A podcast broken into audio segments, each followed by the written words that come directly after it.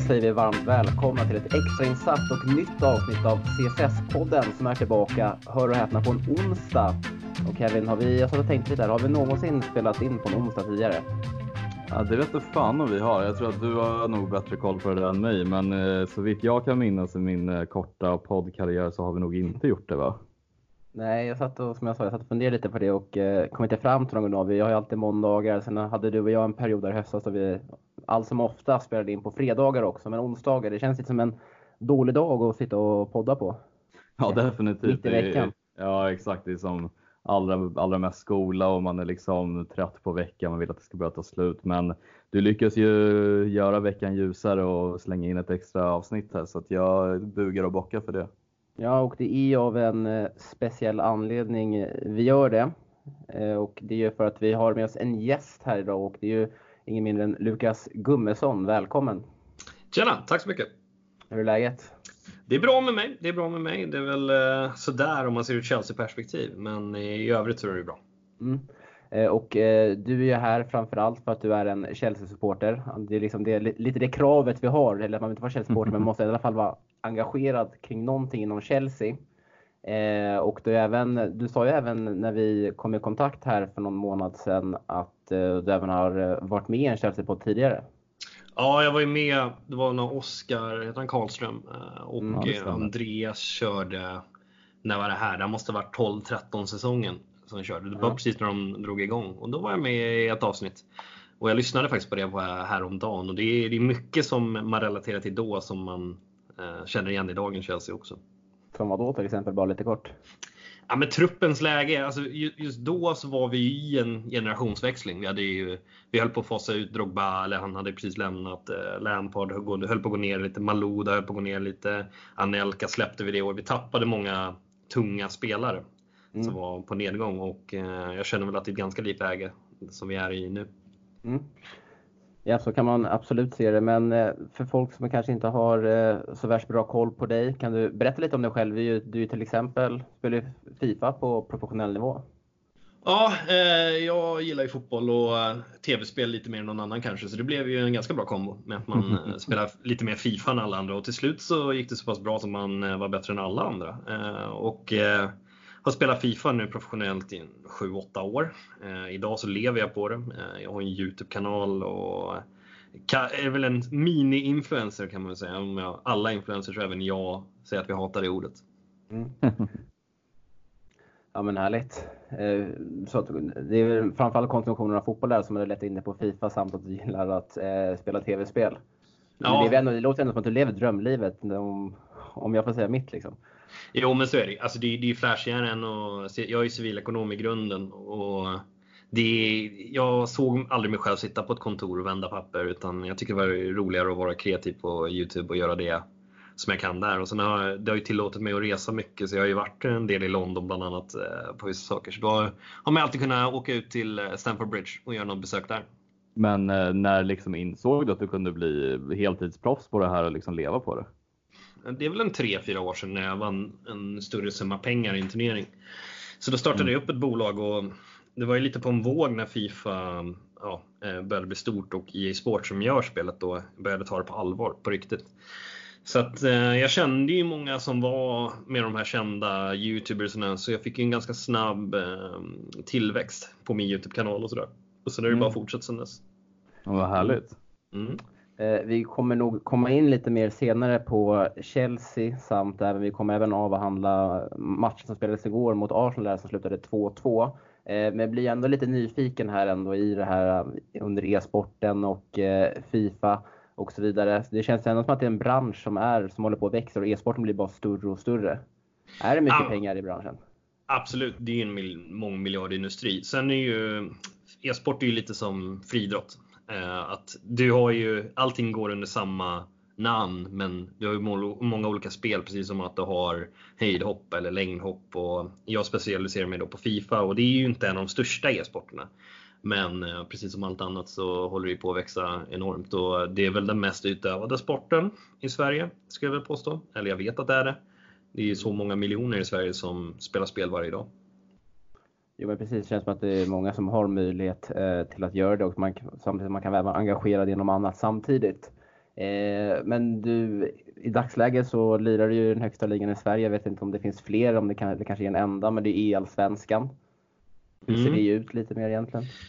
EA-svenskan är ju ett initiativ från SEF eh, där man eh, valde att gå ihop med Discovery för att eh, ja, ha en liga helt enkelt där alla lag signar Fifa-spelare. Jag spelar ju då för AIK och vi ska väl ge oss in i andra säsongen snart. Då är jag även projektledare så jag har hand om hela verksamheten i AIK när det gäller eh, e-fotbollen. Då. Så jag jobbar ju en del för AIK också där och är väl väldigt involverad i klubben på nära håll. Vilket är väldigt, väldigt kul. Eh, Men eh, det är de här stora turneringarna som EA Sports arrangerar. Nu var det min kompis här förra, i helgen faktiskt, så vann han en stor turnering och han vann en halv miljon från den. Så att, eh, det, det växer ju. Med andra ord, det är bra cash alltså. Det är bra cash men då måste du vara på toppen också. Mm. Jag tror ju precis som Zlatan liksom har insett i fotbollen om man ska säga det så, att det är viktigare att bygga ett varumärke som gör att du kan jobba långsiktigt och hitta fler olika intäktskällor än att bara vara duktig på det du gör. För att eh, Zlatan om fem år kommer ju inte förknippas med fotboll. Han kommer inte få betalt för hur bra han är på fotboll. Men han eh, tjänar på sitt varumärke. Och så Mm. eh, tror jag att många fo- fler fotbollsspelare och även då e-sportare borde tänka. Men eh, om vi ska liksom hoppa in i, i ditt liv för en, för en dag. Hur ser egentligen vardagen ut för en e-sportspelare? Oj. ehm, just ja, jag, jag sover väl off som oftast tills jag ja, går upp när jag vaknar. och ehm, ja, käkar frukost och lite sådär. Eh, planerar dagen såklart. Eh, Gör oftast en eh, video och, sen så käkar jag väl lunch och sen går jag och gymmar och sen så streamar man lite på eftermiddagen medan man lägger upp sin video för dagen och sen så tar man väl lite lugnt för kvällen. Kanske streamar under kvällen också. Alltså streamar då när man spelar Fifa och interagerar med tittare och sådär. Det, är, det är väldigt annorlunda men det är skönt att ha ett så pass flexibelt schema. Jag är ju en del på kontoret i AIK också eh, i möten och sånt där. Mm. Så det, är- det är sånt man sysslar med. Ja, så har man tid att podda på kvällen också. Har Ja, för det är det som är fantastiskt. Att man kan vara så otroligt flexibel så man kan Ja. eh, gästa den finaste podden av dem alla. Ja, CSS-podden. Ja, men härligt. Men du sa ju att du är väldigt involverad i AIK där. Du har ju, du har en bakgrund som ungdomstränare i, i AIK. Mm. Hur, eh, när, hur, hur såg det ut? Um, jag kan väl börja med att jag har ju alltid varit en rätt dålig fotbollsspelare. Liksom. Uh, men aldrig, jag tyckte att det var kul att spela fotboll men när jag växte upp, då var, när alla såg upp till Ronaldinho i sin prime, då, var det, då såg jag upp till Mourinho. Ehm, det var den man ville bli. Så jag satt ju och spelade med gamla Championship Manager och uh, spelade med nuvarande fotbollmanager. Då. Ehm, och jag bestämde mig rätt tidigt för att jag ville bli fotbollstränare eh, på den högsta nivån. Eh, och det var väl, ungdomsfotbollen är ju en väg in, man lär sig väldigt, väldigt mycket. Jag har ju bara varit tränare i fem år här nu. Eh, jag har tagit ett litet, litet break för att jag vill lägga ner lite, lite mer tid ehm, på, på min Youtube och Twitch och sådär. Men eh, snart är jag tillbaks. Men det är ju det är fantastiskt kul att vara i en klubb som AIK. Eh, man lär sig väldigt, väldigt mycket. Men om man ser eh, hur ser kommunikationen ut mellan dig och AIK då? Jag menar, är du engagerad även bland eh, A-laget där vid herrarna eller hur ser liksom samarbetet och, mellan dig och föreningen ut? Nej, det är jag inte. Jag är inte direkt kopplad i alla fall. Eh, utan herrarna gillar att hålla sig lite för sig själva eh, ofta. Eh, men eh, det är e-sporten framförallt som jag sköter. Men det är mycket runt omkring, kring sälj och sånt där också. Men eh, i ungdomsfotbollen så har de ju tjatat på mig ett tag nu att jag ska komma tillbaks. Eh, så det blir väl inom kort. Mm, jag såg att det var väl en eh, lite, lite större eller omorganisation inom eh, AIK ungdomsfotboll eh, i höstas om jag inte missminner mig. Det var några som fick flytta på sig och några nya kom in. Eh, men jag tänkte om vi ändå droppar eh, AIK lite där, kanske gå in lite mer på Chelsea som är den och den klubben jag tror folk är här för att lyssna efter. Eh, hur ser du på, på dagens Chelsea och den här säsongen? Det är ganska väntat. Eh, om någon hade sagt att vi ligger fyra med sex poäng upp till United, eller tre kanske efter, efter kvällens resultat då, ehm, eh, och på en fjärde plats. Om någon hade sagt det i augusti så hade jag nog tagit det på förhand. Man visste ju att det skulle bli ett ojämn säsong där vi skulle ha svårt att stänga matcher eh, på grund av rutin. Jag tycker vi saknar kvalitet rätt mycket också såklart. Men som ni vet, alltså det, det har ju inte varit tråkigt att kolla på Chelsea i år direkt och förra året kollade jag ju knappt för att Alltså, dels så var jag ju en väldigt stark motståndare till Sarri redan från första matchen i princip. Eh, men det var ju så otroligt tråkigt att kolla på Chelsea. Det var rätt själlöst. Det saknades de här karaktärerna som man, eller ikonerna, profilerna som man har växt upp med när man växte upp med Checo, Mourinho, Lampard, Terry. Spelare som man gillade väldigt mycket och nu på senare år kanske Diego Costa. Spelare som man gillade att titta på och jag tycker väl att vi saknade dem i Chelsea. Vi har saknat dem under en tvåårsperiod tycker jag. Eh, men eh, i år så får man ju det, är ju dubbelt så skönt att vinna en match med det här laget som vi har nu. Mm. Men eh, och samtidigt så får man väl liksom acceptera förluster. Mm. Även om jag tycker, alltså jag, jag har inte räknat på det här exakt, men jag lyssnade ju på Lampard efter matchen igår och jag tycker väl att vi borde fan ha 15 poäng mer än vad vi har, mm. minst. Liksom. Um, sett till matchbilder. Jag tycker rent taktiskt att vi har spelat rätt bra under hela, under hela året. Men vi saknar kvalitet. Om man kollar på matchen igår till exempel så får ju Abraham två otroligt fina nicklägen. Och, och båda går mitt på målvakten. Som, hade vi haft lite mer kvalitet på den forwardspositionen så hade vi stängt den matchen tidigare tror jag. Men är det, är det någonting du tycker Lamp har gjort fel eh, under säsongen som har gjort att vi har tappat poäng? Eller är det mer bara att vi har haft otur med oss eller lite brist på kvalitet i sista tredjedelen? Eller utveckla gärna hur du tänker där. Det är rätt svårt att säga tycker jag från utsidan utan att veta. Till exempel så har vi ju haft svårt med fasta situationer och inlägg och sådär.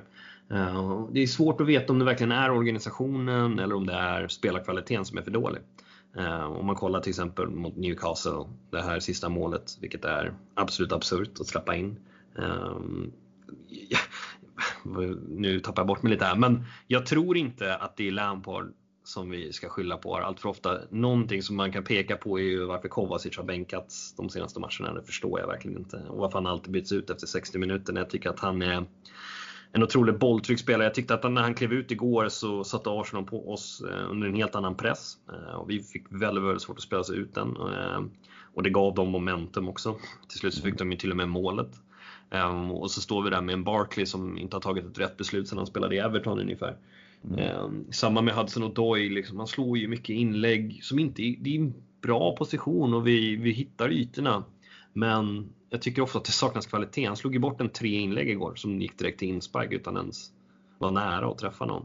Så jag tycker att vi saknar mycket kvalitet, men jag tycker inte nödvändigtvis att Lampard tar fel beslut heller. Så att eh, jag tror att med lite mer kvalitet i laget och en lite mer eh, aggressivitet i, in i ytorna. En spelare som Pulisic till exempel är ju en sån spelare. Jag saknar en spelare som Kyrle också som var väldigt aggressiv in i öppna ytor. Mm. Eh, jag tycker vi saknar någon sån spelare idag för att ofta i uppställsspel så går det lite långsamt för, för i princip alla yttrar står i en understödsposition och vill bara ha bollen rättvända så de kan dra den en meter och sen skjuta eller slå ett inlägg. Medan vi har, vi har lite dålig balans där ofta tycker jag. Eh, för både William och Hudson Odoi och Barkley, alla vill ju ha bollen på fötterna och sätta in den i box. Eller mm. skjuta. Men eh, en sån som Pedro till exempel är ju lite bättre på att attackera ytorna. Nu är han ju totalslut men vi, någon sån spelartyp skulle jag önska att vi har. Ja absolut och du var lite inne på att du saknar den där Chile-typen som vi hade för ett par år sedan. Mm. Eh, och det, man kan liksom, den kan man jämföra kanske lite med vad vi har i dagens trupp. Så har vi ändå en sån som Christian Pulisic som nu, som nu är skadad. Mm. Jag tror det hade sett lite annorlunda, annorlunda ut igår ifall det var han som stod där istället för till exempel Hudson Odoi. Det tror jag definitivt. Eh, det hade varit en helt annan matchbild. Och jag kände väl att vi hade ändå så mycket ytor framför försvaret, framförallt med tanke på att vi var en man mer. Så vi behövde ju inte fler sådana här understödsspelare utan och jag tycker Lampard gjorde rätt där faktiskt. Direkt efter 1-1 målet så bytte han ju in eh, Batshuayi. Så att mm. vi får lite mer spelare som attackerar ytor eh, med två forwards. Tyvärr så är han ju värdelös. Men det är ju inte Lampards fel. Jag tycker ändå att han tar rätt typ av beslut taktiskt ofta. Och vi saknar liksom spelartyperna. Vi, vi, skulle behöva lite mer kvalitet. Det är, det är inte svårare än så för att eh, vinna typer av matcher. Sen ska vi vinna matchen igår, tycker jag. Arsenal har ju en hel del flyt, tycker jag ändå. Ja, det är väl lite det jag är jävligt svårt att förstå till exempel hur många, många fans på sociala medier målade upp Martinellis mål som något helt briljant mål. Men för mig är det helt ofattbart hur det kan göra det när vadå, han sprintar från defensiv planhalva och har kan till emot sig som halkar. För mig är det liksom Alltså det är som nonsensmål så att jag liksom får panik på det. Jag håller helt med. Alltså jag, jag har ju en del på Twitter man ser Arsenal-fans som målar upp honom som någon slags gud. Men han tar ju en 30 meters jättedålig touch. Ja. Eh, när han springer. Alltså det är ju en otroligt usel touch. Han har ju dödat hela anfallet men så halkar ju Kanté Förmodligen för att han blir så jävla chockad över vad som håller på att hända. Eh, så att, och sen vet jag inte vad Kepa gör heller. Det, det, är väl också en till position där vi behöver lite mer kvalitet minst sagt. Men eh, jag tycker väl ändå de har två skott på hela matchen ehm, och de har eh, en hel del flyt. Ehm, vi borde ha satt våra lägen som vi har. Ja, och en snackis efter matchen var ju någonting också som Frank Lampard också pekade på eh, under, på den efterföljande presskonferensen var ju hur Kanté lämnades ensam där och han indirekt ändå slöjade Emerson för det misstaget som, gick upp väldigt högt i, eh, eh, under den där hörnan som sedan leder till situationen som Martinelli får. Och det känns ju också lite, det, liksom, lite det är det som identifierar i alla fall Chelsea för mig under den här säsongen att man är inte tillräckligt välspelda ihop, ihop heller och det är väl det som har kostat oss väldigt mycket defensivt. Man har ingen organisation i laget på något sätt. Ja, ja men det, det, tycker jag väl absolut. Samtidigt så tycker jag som sagt att det är många av de här målen vi släpper in är på grund av individuella misstag och inte nödvändigtvis av dålig organisatorisk eh, eller att vara dåligt organisatoriskt. Ehm, sen är det ju så att vi har ju bytt backlinje varenda jäkla match liksom. och när man kollar på backlinjen igår, det fanns ju knappt en spelare som man gillade där. Ehm, så att jag tycker, jag tycker vi saknar kvalitet där. Vi skulle ju ha köpt Koulibaly för några år sedan nu, men eh, jag, jag har svårt att se liksom vad mer Lampard ska göra åt till exempel det här målet. För det är ju William som förlorar en duell där, som man absolut inte ska förlora när du har 10 Arsenal-spelare som springer rättvända rakt emot dig. Den måste ju ut på kanten eller ja, för att fördröja pressen något i alla fall så vi kan komma tillbaks lite. Jag vet inte, håller ni med mig? Ja, alltså jag, jag är lite inne på spåret att eh, jag såg att det var många som slejade Kepa med all rätt. Jag tycker att han agerar väldigt märkligt på båda målen och det är klart att han ska ha några fingrar i alla fall på andra målet. Men alltså den jag klandrar lite mest och jag har liksom svårt att förstå. Jag var inne på det i Twitter och gafflade lite om det med andra fans. Jag tycker till exempel att om man ser på andra målet där som Arsenal gör med Beirin så, så står ju Emerson till att börja med extremt konstigt med kroppen. Han styr ju inte honom åt något håll som är vettigt. Och det blir lite konstigt också när Abraham kommer ner skadad, inte kan springa och ska försöka liksom vara någon typ av uppbackning till Emerson. Och, vilket gör, han kan ju inte ens springa och Beirin kommer ju förbi honom med ett litet pet bara. Så jag tycker liksom, Emerson är ju direkt, tycker jag i alla fall, alltså väldigt dålig i den här matchen. Jag tycker man saknar James väldigt mycket för jag tycker att han har varit en bärande spelaren i backlinjen och Aspilicueta har ju funkat bättre än vad de andra vänsterbackarna i vårt lag har gjort som en vänsterback. Så att alltså jag, jag tycker Eh, organisationsmässigt igår så tycker jag att det var snarare där det brast än att det var Kepas fel helt och hållet. Jag har ingen som helst liksom kärlek för Kepa just nu. Jag tycker att han är en, alltså en faktor som gör att vi förlorar matcher. Men jag tycker mycket var ändå från vår defensiv igår som var väldigt konstig. Eh, speciellt vid agerandet vid båda målen egentligen. Varför, eller eh, varför folk ändå vill eh, lägga den här förlusten eller den här poängtappet på Kepi för att han har varit väldigt, han, eller han har varit extremt skakig under hela säsongen. Mm. Och eh, han är, det, det, känns som att han, han har ju kostat Chelsea mycket fler poäng än vad han har räddat. Eh, så man hade, hade gärna velat se honom att han i alla fall kunde tagit en, ett friläge där från Martinelli. Att han ändå kunde, han var ju väldigt skymd, men att han i alla fall kunde räddat bollen från Bellerin där och göra någonting ändå för att Chelsea ska eh, gå, gå ur där med tre poäng. För det är ändå världens dyraste målvakt vi pratar om och han har ju sämst statistik i hela ligan. Absolut, och det här är inte egentligen för att försvara Kepa, men om ni, ni kommer ju ihåg hur andra målet var och där tänker jag om du är en skadad anfallare, Ibrahim låg ju ner till och från hela tiden. Vi börjar ju med att vi inte spelar ut bollen överhuvudtaget utan vi fortsätter spela. När väl Abraham då är skadad och uppenbarligen inte kan springa, då är det ju enligt mig i alla fall inte rätt att springa ner i backlinjen och försöka stoppa ett anfall. Då ska man ju som skadad spelare försöka pressa backlinjen om det kommer någon boll upp mot Arsenals backlinje. För mig är det helt oväsentligt att springa ner halvskadad och försöka ge Emerson någon uppbackning. Och det är inte för att Abraham är ju liksom, jag, jag gillar verkligen Abraham, men just det beslutet tycker jag är jättemärkligt av honom. Det var i alla fall min syn på, på det igår. Ja, men det är det jag menar med de här individuella misstagen som sker. Sen så tycker jag väl ändå rent, alltså jag tycker inte att han ska springa mer, du har helt rätt i att han borde pressa backlinjen, men när han väl står där så tycker jag ändå att han styr honom inåt i banan och allvarligt bejer in med sin vänsterskavel för att kunna ta ett skott därifrån. Tycker jag. Alltså, mm. den, den ska inte gå in. Så att jag tycker väl dels att Kepas positionering, att han ställer sig så att han inte ser vad som händer. Och sen, ja, han är ju precis som du sa tidigare, han ska väl ha något finger på den. Men eh, hur ofta sätter Beijer in den där egentligen? Alltså du ser det lite som poker, du har 99% chans att vinna. Du tar inte fel beslut nödvändigtvis för det. Om du förstår vad jag menar. Det är Ja, ändå det- rätt att släppa in Beirins vänster än att han får gå på utsidan och slå ett inlägg med högen. Ja, vi har sett han göra det förr och det var ju mot Chelsea där i 2018 var ju Bellerin som avgjorde. Det blev 2-2.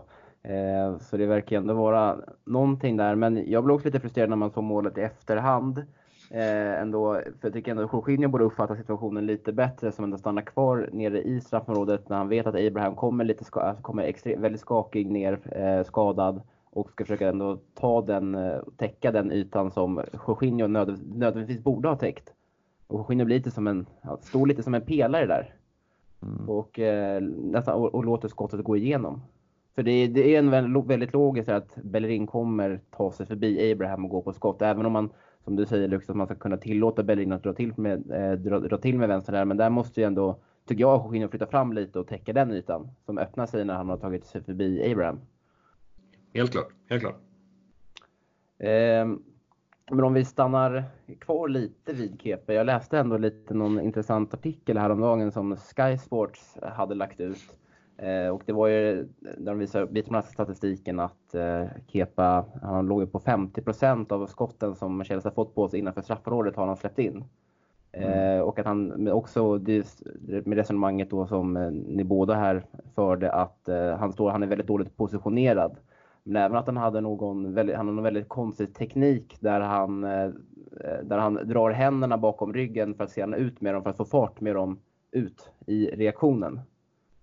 Lukas, du som ändå jobbar som eh, tränare, kanske inte målvaktstränare tror jag inte, men eh, är det någonting vanligt? Jag såg att det, det stod att det i den artikeln också från som John Harrison eh, eh, var expert i som någon, någon målvakts eh, eh, hittar inte ordet, men i alla fall någon som har bra koll på målvakter, att det är väldigt vanligt bland spanska och eh, tyska målvakter.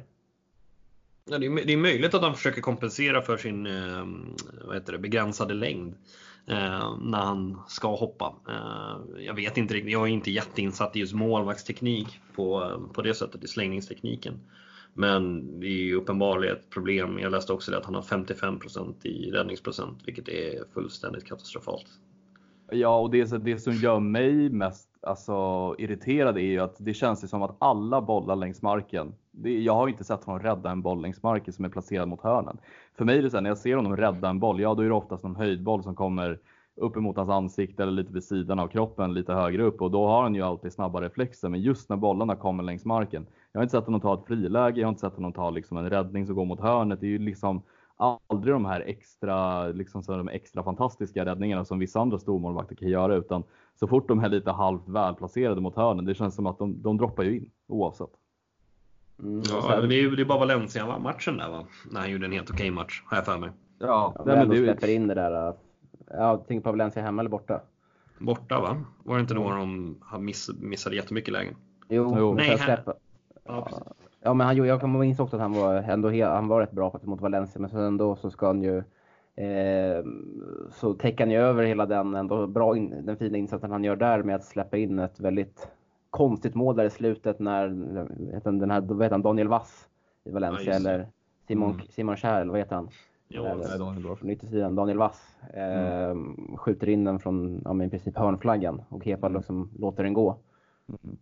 Ja, och sen det där målet när Hakim Ziyech slog, in den från en omöjlig vinkel. Liksom. Jag tycker fortfarande att det är konstigt agerande på det målet.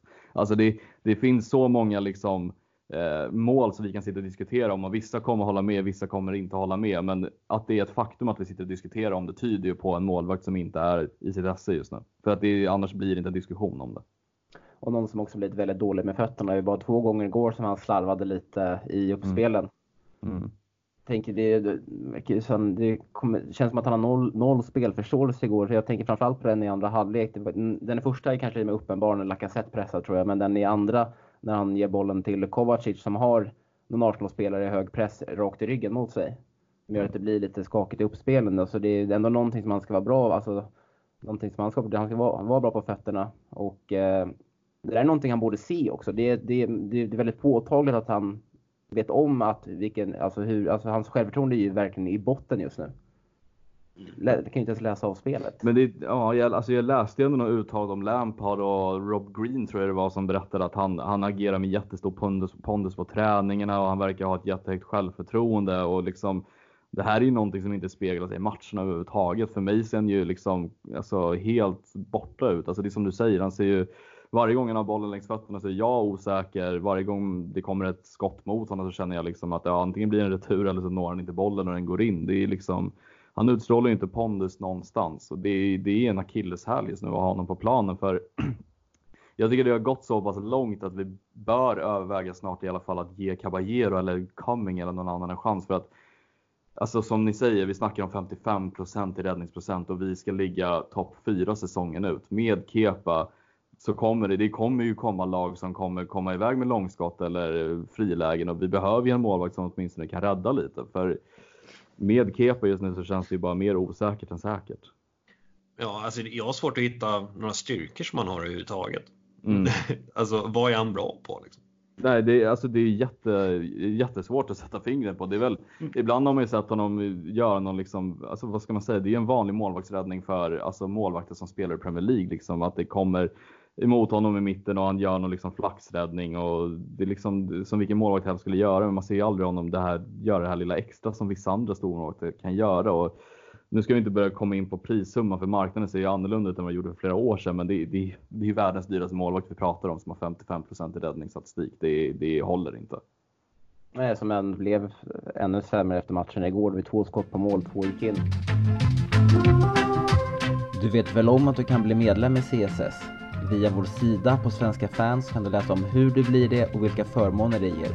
Så gör som 800 andra och bli medlem du också.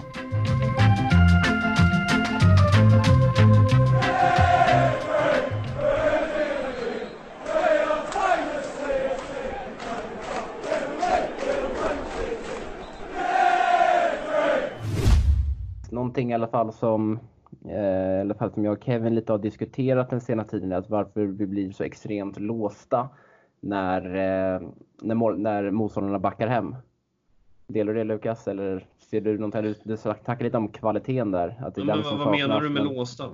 Att vi inte hittar, alltså när, när, när målvakterna ställer 9-10 spelare eh, bakom bollen, eller framför bollen kanske man säger, ingen aning. Eh, så har vi svårt att hitta, på, alltså, att hitta lösningar för att kunna attackera deras mål.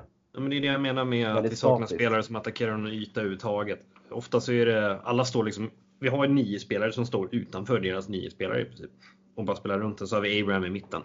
Men ehm. samtidigt tycker jag ändå att vi kan ändå att vi attackerar ytor och det såg vi ändå lite igår med tanke med, med Batshuayi där som stod för en miss, för ändå Ross Barkley som eh, Eh, som mm. hade den där nicken där nere och eh, en frispark som Tam Abraham fick ett bra läge på. Eh, ja, men vi gjorde, det, vi, gjorde det, vi gjorde det bra igår, det tycker jag i allmänhet. Som sagt, jag tycker vi skapar tillräckligt för att vinna matchen, men om man kollar på matchen på Newcastle till exempel så var det precis tvärtom.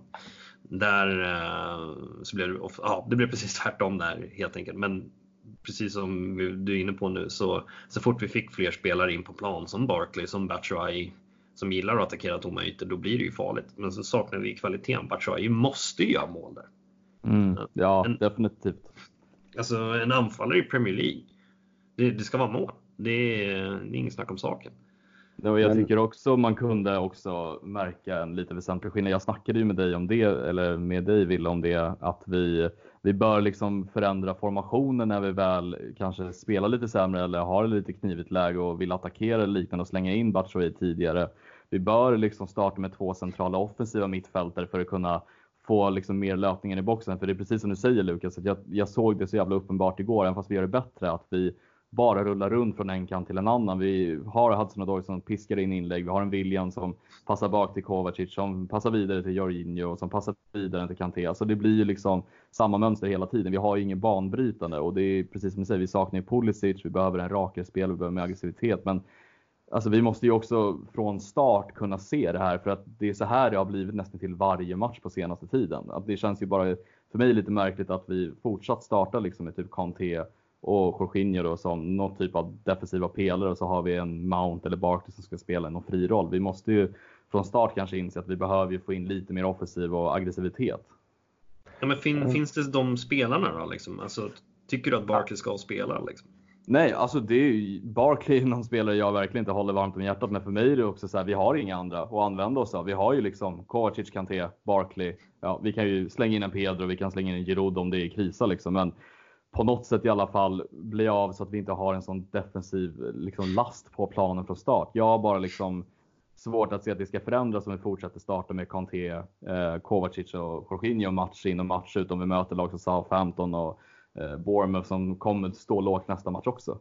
Ja, men det är, det är då vi får problem. Om man kollar på resultaten, så här, West Ham hemma, Bournemouth hemma, eh, Newcastle borta. Ja, det går ju att räkna upp hur många resultat under år som helst där vi skapar alldeles för lite. Vi är helt uddlösa framåt. Mm. Ehm, och det är med, vi behöver, lite, vi behöver ha in lite kvalitet, lite offensiv kvalitet. Ehm, och det kan ju vara värt att splasha ut, även fast det är lite dyrare nu i januari, så kan det ju vara det som är skillnaden på att vi spelar Champions League till nästa år.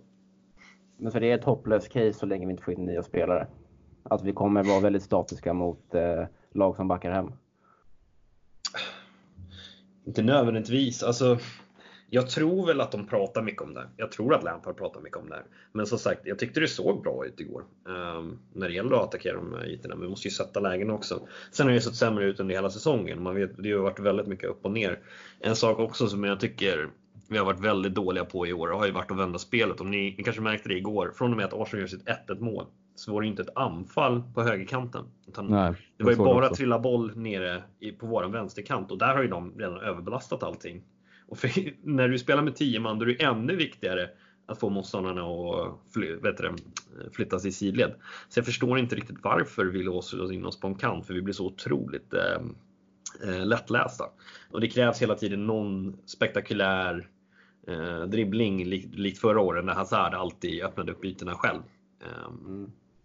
Vi behöver bli ja, mer systematiska i att hitta de här målchanserna, hitta ytorna utan att behöva någon eventuell prestation. Mm. Jo men exakt. Och det är, väl, det är lite bara, den individuella kvaliteten finns inte just nu. Eh, de här spelarna kanske kommer, kommer ha det om ett par år. Det är en väldigt ung trupp. De spelarna som ska vara de spelarna har inte riktigt blommat ut riktigt ännu. Ehm, men eh, ja, det, det känns bara att kollektivet inte fungerar så pass, eh, så pass bra att vi blir så extremt låsta. Alltså vad, vad liksom, kan man göra någonting åt det? För jag, eller jag satt och kikade lite på de här matcherna där vi har ehm, de här hemmamatcherna och inkluderat Newcastle borta här senast. Kan vi inte göra någonting annat? Alltså, måste till exempel Jorginho spela alla de matcherna?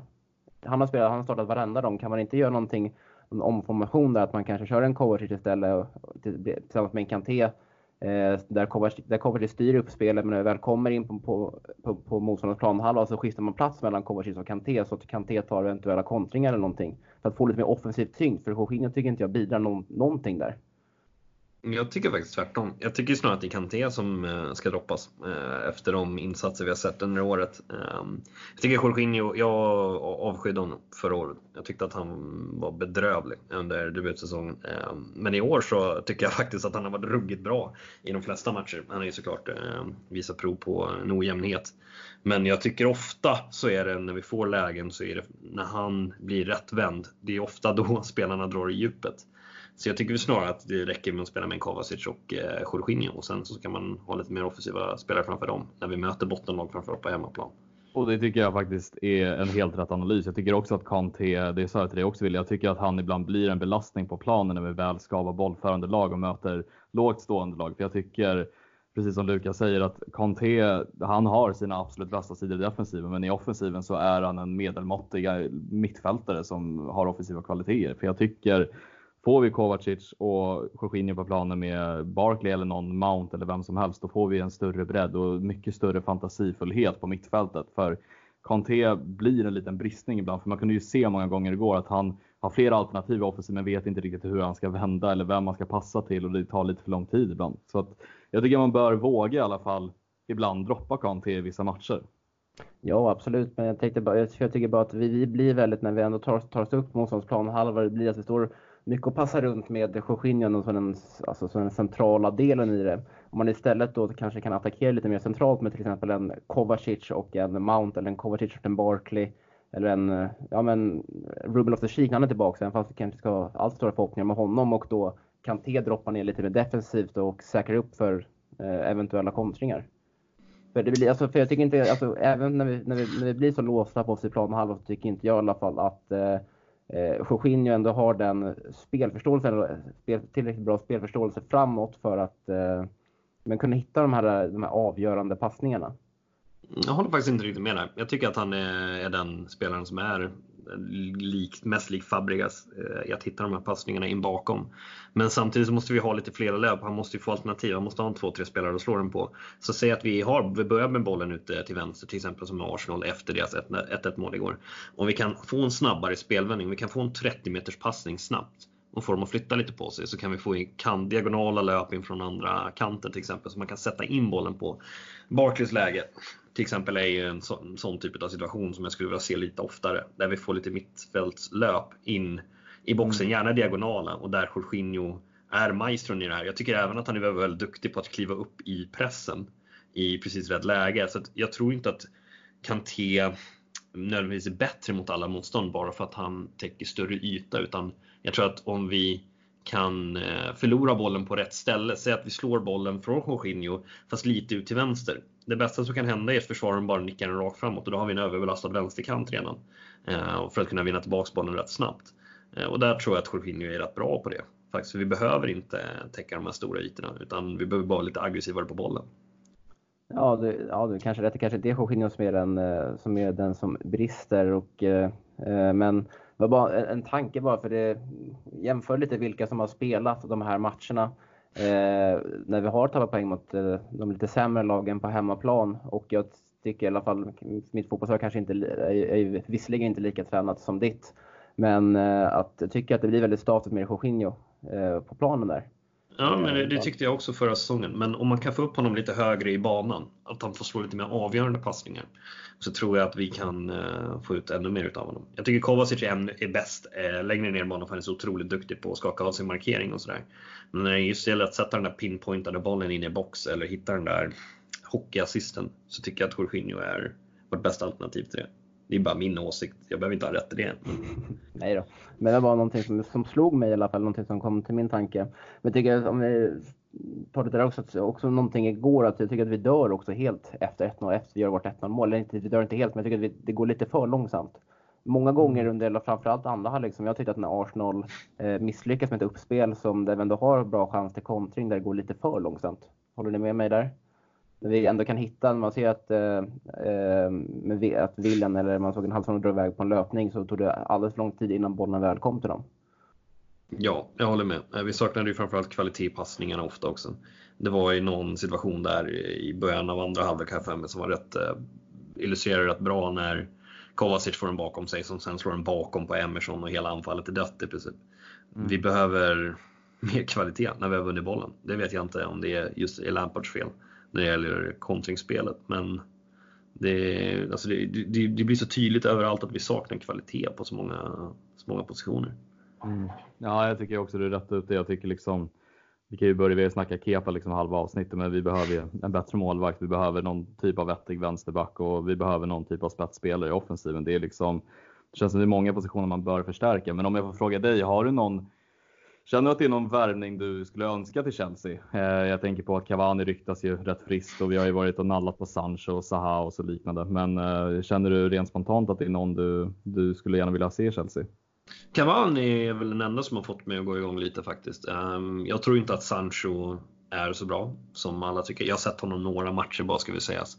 Men jag tror inte att det är en spelare som höjer vårt anfallsspel tillräckligt för att eh, rättfärdiga en så pass dyr värvning. Samma gäller Zaha. Eh, han tycker jag är rätt överskattad. Eh, så, men Cavani är ju precis en sån spelare, en väldigt, väldigt aggressiv spelare, offensivt aggressiv spelare. Som eh, är otroligt spelsmart också och jobbar hårt för laget. Så jag tror att han hade varit helt perfekt att få in. Mm. Ja absolut, jag delar också din analys. Jag har ju redan sedan jag hörde riktigt från första början så känner jag att det är en, det är en värvning som vi verkligen skulle behöva nu. För som du säger, Batshuayi är ju inte i närheten av vad han har varit någon gång egentligen i sin karriär och Giroud är ju på väg ut. Så att det, det hade ju varit ett komplement till Abraham när det låser i sådana här matcher, men även kunna avlasta Abraham. För jag tänker på, nu gick han ju ut skadad igår och nu vet inte jag hur illa den skadan är, men det lär ju vara en, liksom, en period nu som är rätt tuff och det kan ju komma ännu värre skador. Och Abraham är liksom det vettigaste alternativet vi har där framför. Lampard har ju inte vågat starta Batshuayi i någon match och Giroud verkar inte vara någon typ av val för honom överhuvudtaget. Så att, eh, nej, jag tycker Cavani är också en väldigt vettig värvning om det skulle gå i lås. Jag tycker att det är, han ryktas om att han vill ha en ganska hög lön, men jag tycker att det är värt att lägga ut den faktiskt. Mm, jag håller med. Ja, så det kan ju vara skillnad där som du såg som mellan en topp 4 eller inte och framförallt nu när Abraham blir borta. Eh, skönt i alla fall, eller skönt och skönt, men det är väl i alla fall att eh, det är ju, det är ju FA-cupen ute i helgen och sen är Leicester borta, men så väntar ändå ett litet uppehåll eh, på några veckor. Mm. Det är skönt, också med, för Abraham också. Man var ju extremt orolig igår när han, började halt, när han haltade omkring där, och, men även skulle kötta. Jag tänkte direkt på, det är inte, man kan inte jämföra kanske, men jag tänkte på den här Robin Söder-incidenten 2009 i U21-EM när han förstörde sin karriär där när han spelade, spelade vidare för en, under en knäskada. Mm. Mm. Lite nojig. Ja, nej, jag tror att det såg, för mig såg det mer ut, jag vet inte rapporten om ni har tagit del av någonting, men för mig såg det mer ut som en smäll när han åkte liksom in i reklamskyltarna. Eh, och det såg ju lite obehagligt ut med sträckt ben eller vad det var, men Ah, kunde han röra sig i alla fall någorlunda på planen så tror jag att det bör vara okej okay med honom. Jag har inte hört någonting super mer allvarligare om, om uppdateringen om honom. Har ni hört någonting? Ja, det stod efter, eller Frank Lammar sa att det var ah, förhoppningsvis, eller förhoppningsvis så är det lite en lite lättare, lättare skada och han kunde bevisligen gå. Det var ett klipp man såg efter matchen där han, där han gick runt på Stamford Bridge med, ut, utan sko visserligen. Eh, och han hade fått med lite eh, någon is, eh, ispåse fastklistrad eller fasttejpad runt foten.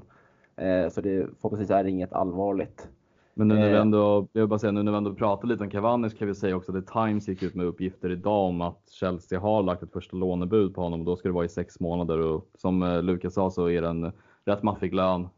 Och sen så vet jag inte egentligen ifall det finns någon urköpsklausul inbakad, men det gissar jag på att det finns för hans kontrakt går ju ut ändå till sommaren så att det finns ju någon typ av lösning där tror jag. Jag såg någonting om 18 månader.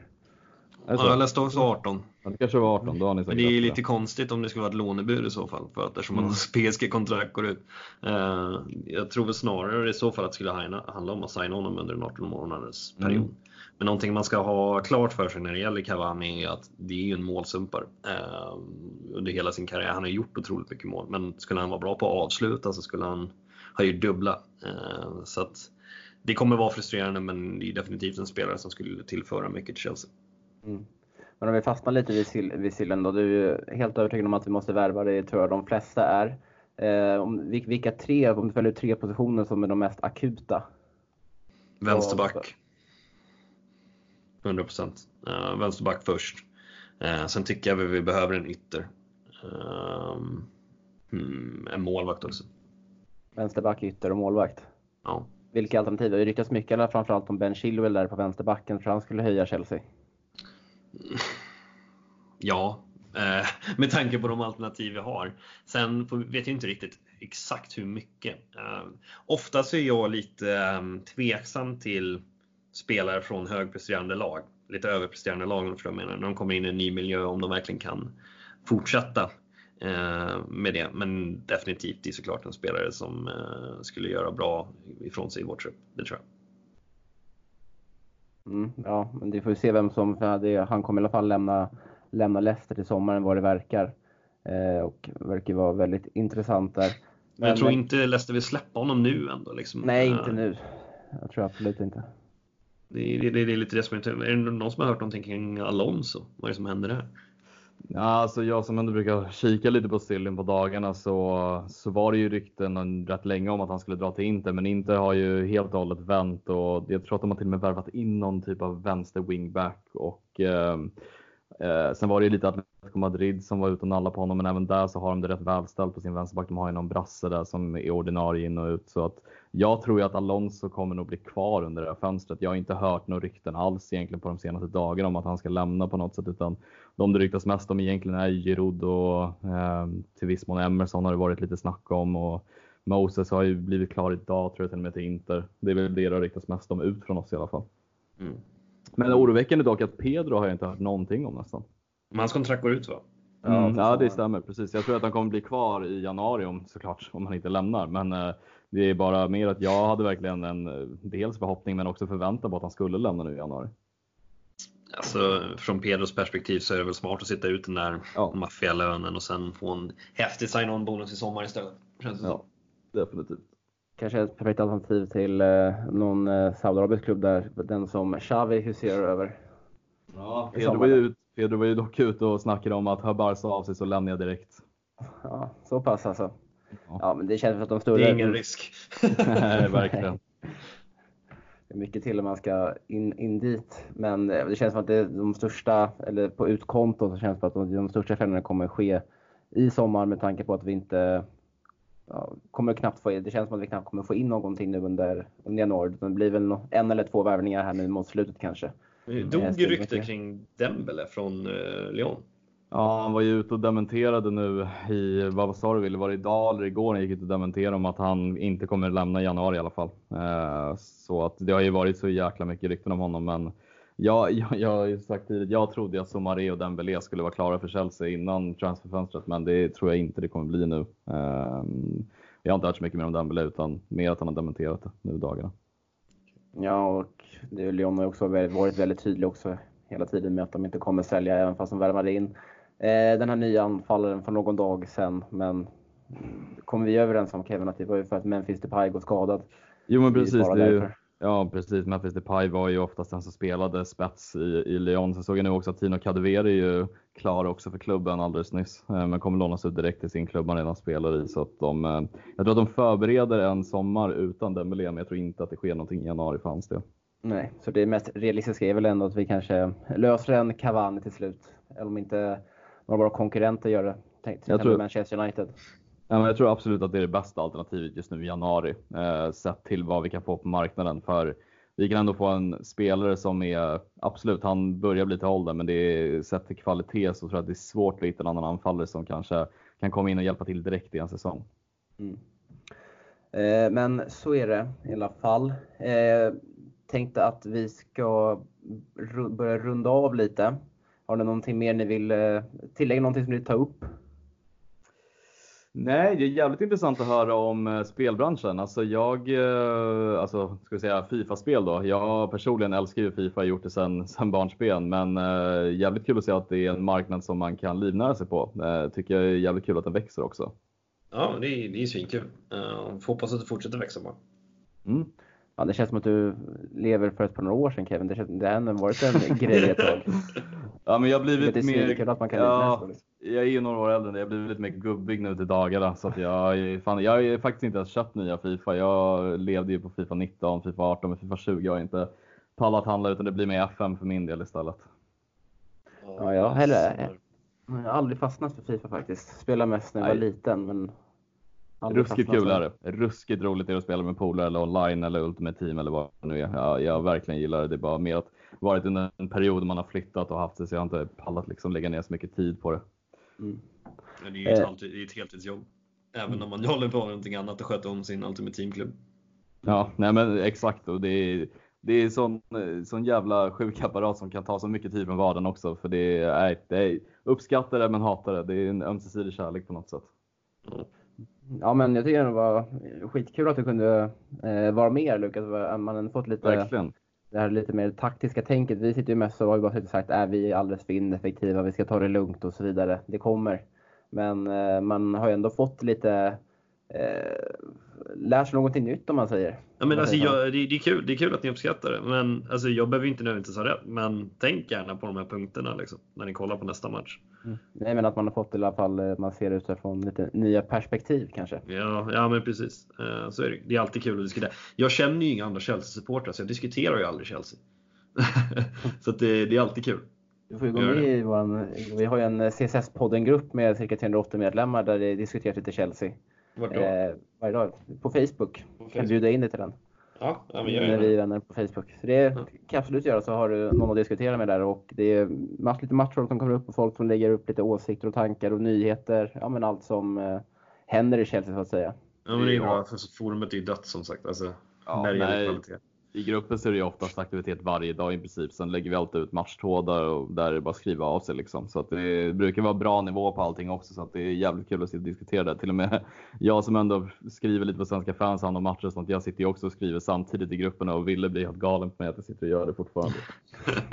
jag är lite galen på dig, Med det du säger inför liksom, men nu ska jag inte skriva i matchen, jag ska fokusera på matchen. Men så när man så här, scrollar igenom matchtråden sen så ser man att Kevin Ståhlborg har varit där och kommenterat en jävla massa. Ja men alltså det, det är lite som Lukas situation. Jag har inte så många andra att snacka med. Jag menar min tjej är totalt ointresserad och fan ska jag sitta och prata med mig själv? Då sitter jag hellre och skriver matchtrådarna och bara får ut all ilska och allting. Jag köper det, men det, du, du, du, säger ju själv att du inte ska göra det, men sen gör du det ändå.